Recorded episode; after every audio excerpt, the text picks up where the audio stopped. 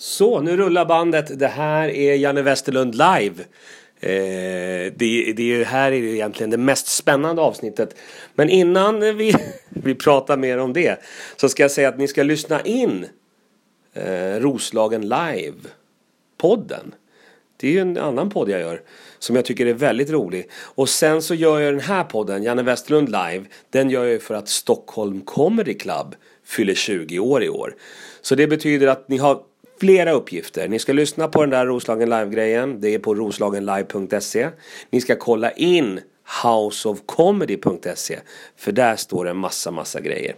Det kommer bli lite trixigt nu under eh, våren här i, i och med att det är inte karantän utan karantänatider. Eh, så man får gå in och kolla noga. Det är vissa shower som eh, blir av och andra shower som inte blir av. Och så får vi se vad, vad Steffe säger. Han verkar ju vara Ja, hörni, eh, nu ska vi gå tillbaka till året 2005. Ooh, those were the days. Stockholm Live säsong 1 hade precis gjort succé på SVT. Vi hade startat Svenska standup-galan, vi hade startat Skrattstockfestivalen. Stockholm Live-gänget var det hetaste som fanns i svensk humorväg. Det var lite roligt, jag träffade han eh, Henrik Hjält här för en tid sedan. Han, han sa att jag var rädd. han var så rädd för Stockholm Live-gänget. Det var den, den impacten vill man ju gärna ha. Men vi var ju fyra tuffa killar från olika Stockholmsförorter. Eh, vi var störst, vi var bäst. Precis som Grotesco-gänget. Han är störst, han är bäst, han är hit, han är dit. Eh, vi hade väldigt, väldigt roligt. Jag minns det som igår när vi åkte ner till Slakthuset. Det var ju det var ju våra hoods också. Vi var ju Stockholmskillar men vi hade bra följe och bra drag nere i Malmö. På Slakthuset och den här härliga gubben Claes, Claes Schmidt. Som, som sen blev Sara Lund. Och det var ju som jag brukar säga Stockholm Live-gänget som fick ut honom ur garderoben. Men det, han kanske inte tycker det. Eh, det var roliga tider. Slagshuset var i stor lokal, 700-800 pers. Vi körde alltid sådana här trippla. Det är alltid kul när man kör trippla föreställningar. En, två, tre. Och sen på lördagen kör man en, två, tre. Och sen åker man vidare. Eh, det var tider, faktiskt så hade vi några legendariska efterfester. För det som började hända, eh, som vi märkte ganska snabbt, att publiken i Sverige, de ville ju hänga med oss. Och var på fest med oss. Så vissa kvällar sålde ju efterfesten mer än showen. I, i Malmö, okej okay, där var det väl inte så men, men eh, det här slakthuset blev ju en nattklubb på, på kvällen då. Så direkt efter showen hade vi ett eget rum dit folk köpte biljetter för att komma och se oss. Sitta på en liten hylla med ett litet rep, det var ett litet rött band sådär. Och dricka sprit. Ja.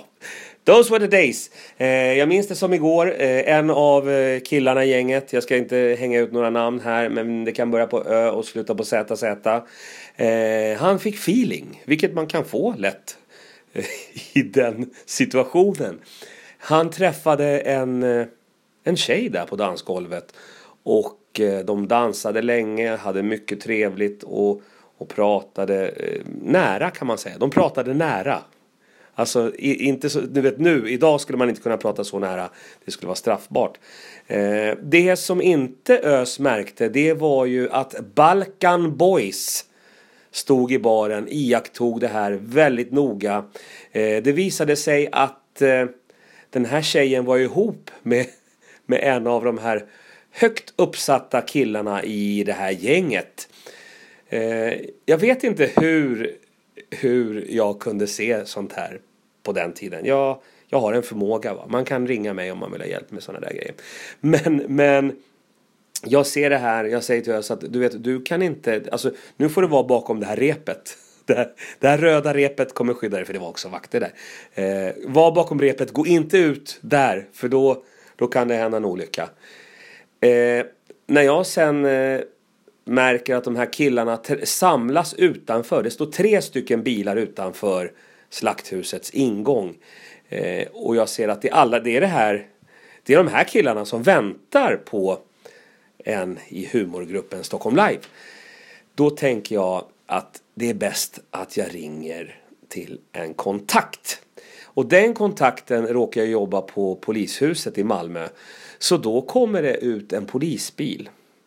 Vi bodde på hotellet som var 300 meter från slakthuset. Jag kommer inte ihåg vad det hette nu men där, där bodde vi alltid.